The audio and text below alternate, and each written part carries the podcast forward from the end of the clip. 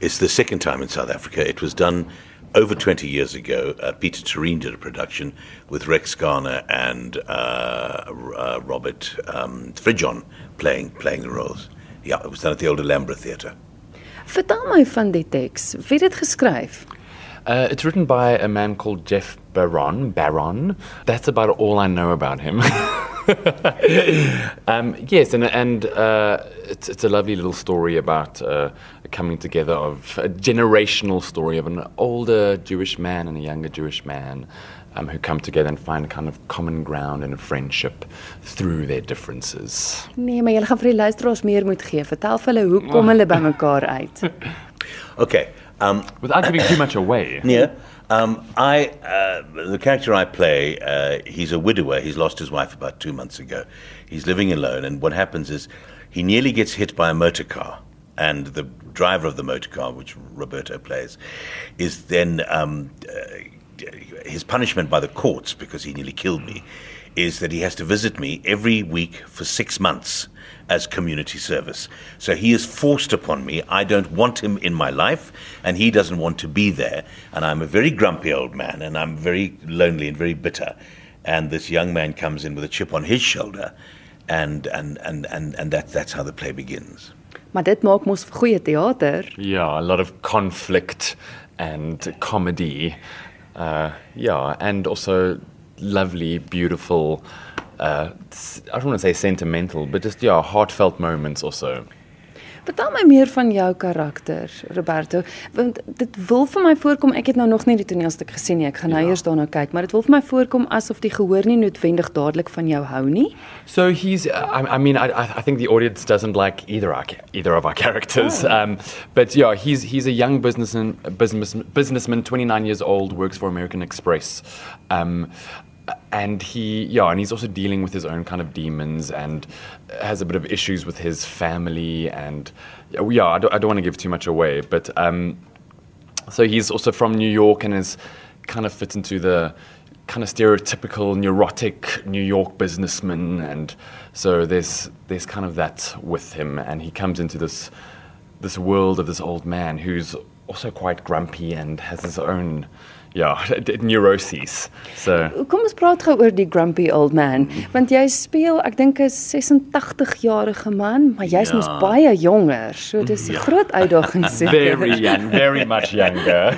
uh, yeah, no, it's it's been it's been a challenge to play to play somebody so, so much older than I, but um, it, it it works out very well. Um, I seem to have have, have um, uh, got over that, that, that hurdle.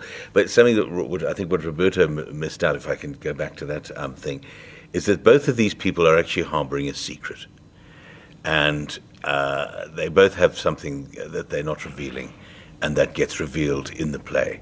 And also, what we mustn't um, forget is that this is it is a comedy.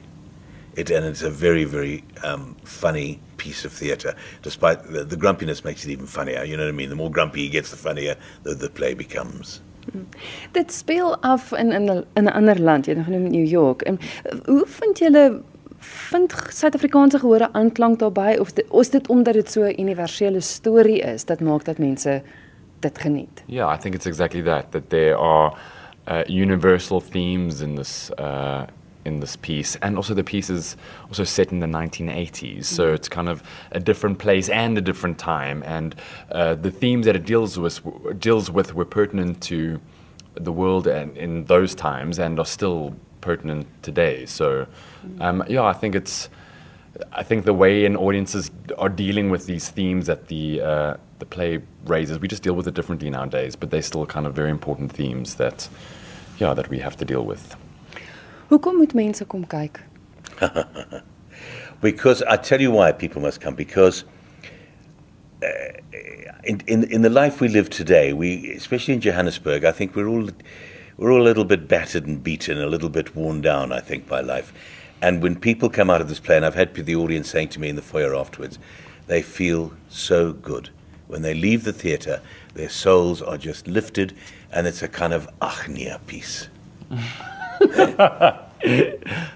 I also think also you know with social media and uh, the world today that people have the opportunity and the platform to be as offensive as possible.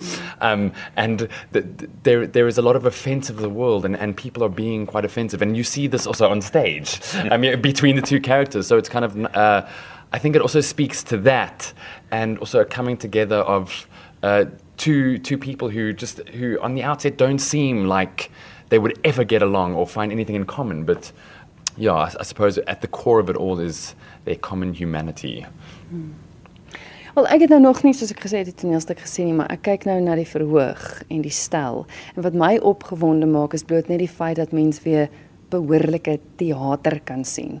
Dis wonderlik die nuwe teater wat geskep word met sosiale media en skerms en oorhoofse projektors en al sulke goed. Dit het hulle plek, maar ek sien uit daarna dat dit weer behoorlike teater is. Yeah, it's it's it's real. Um, uh, I want, don't want to say old-fashioned theatre because it's not, but it's it's it's it's it's it's it's real true theatre. You know, it's a, um, and we see with with this set under lights, it becomes magic. This this little place really becomes a real place. It's it's a, it's it's it's beautifully done.